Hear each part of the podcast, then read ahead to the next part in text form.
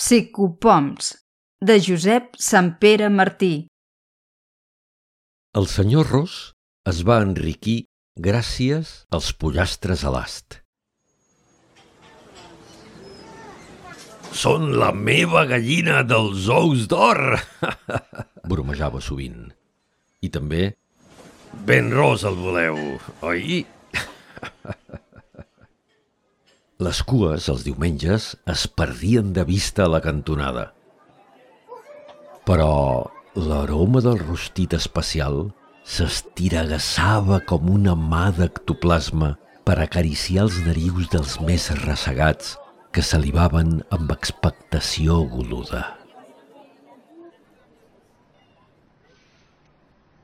No hi ha botiga de tota la vida que no s'acabi morint, i una persiana empastifada de pintades n'és la tapa del taüt.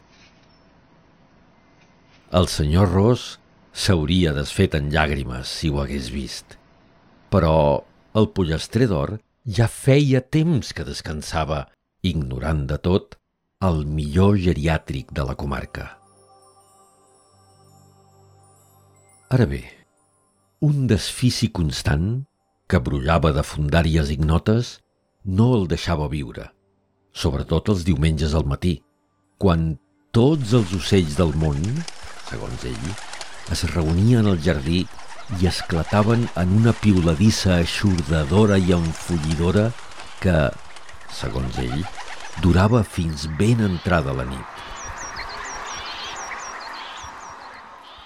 El cas, però, és que a fora només hi havia quatre estornells que voletejaven inaudibles.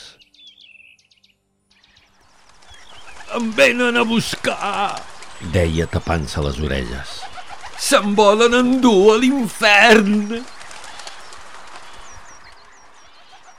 S'havia fet vegetarià a les seves belleses, però segurament ja era tard.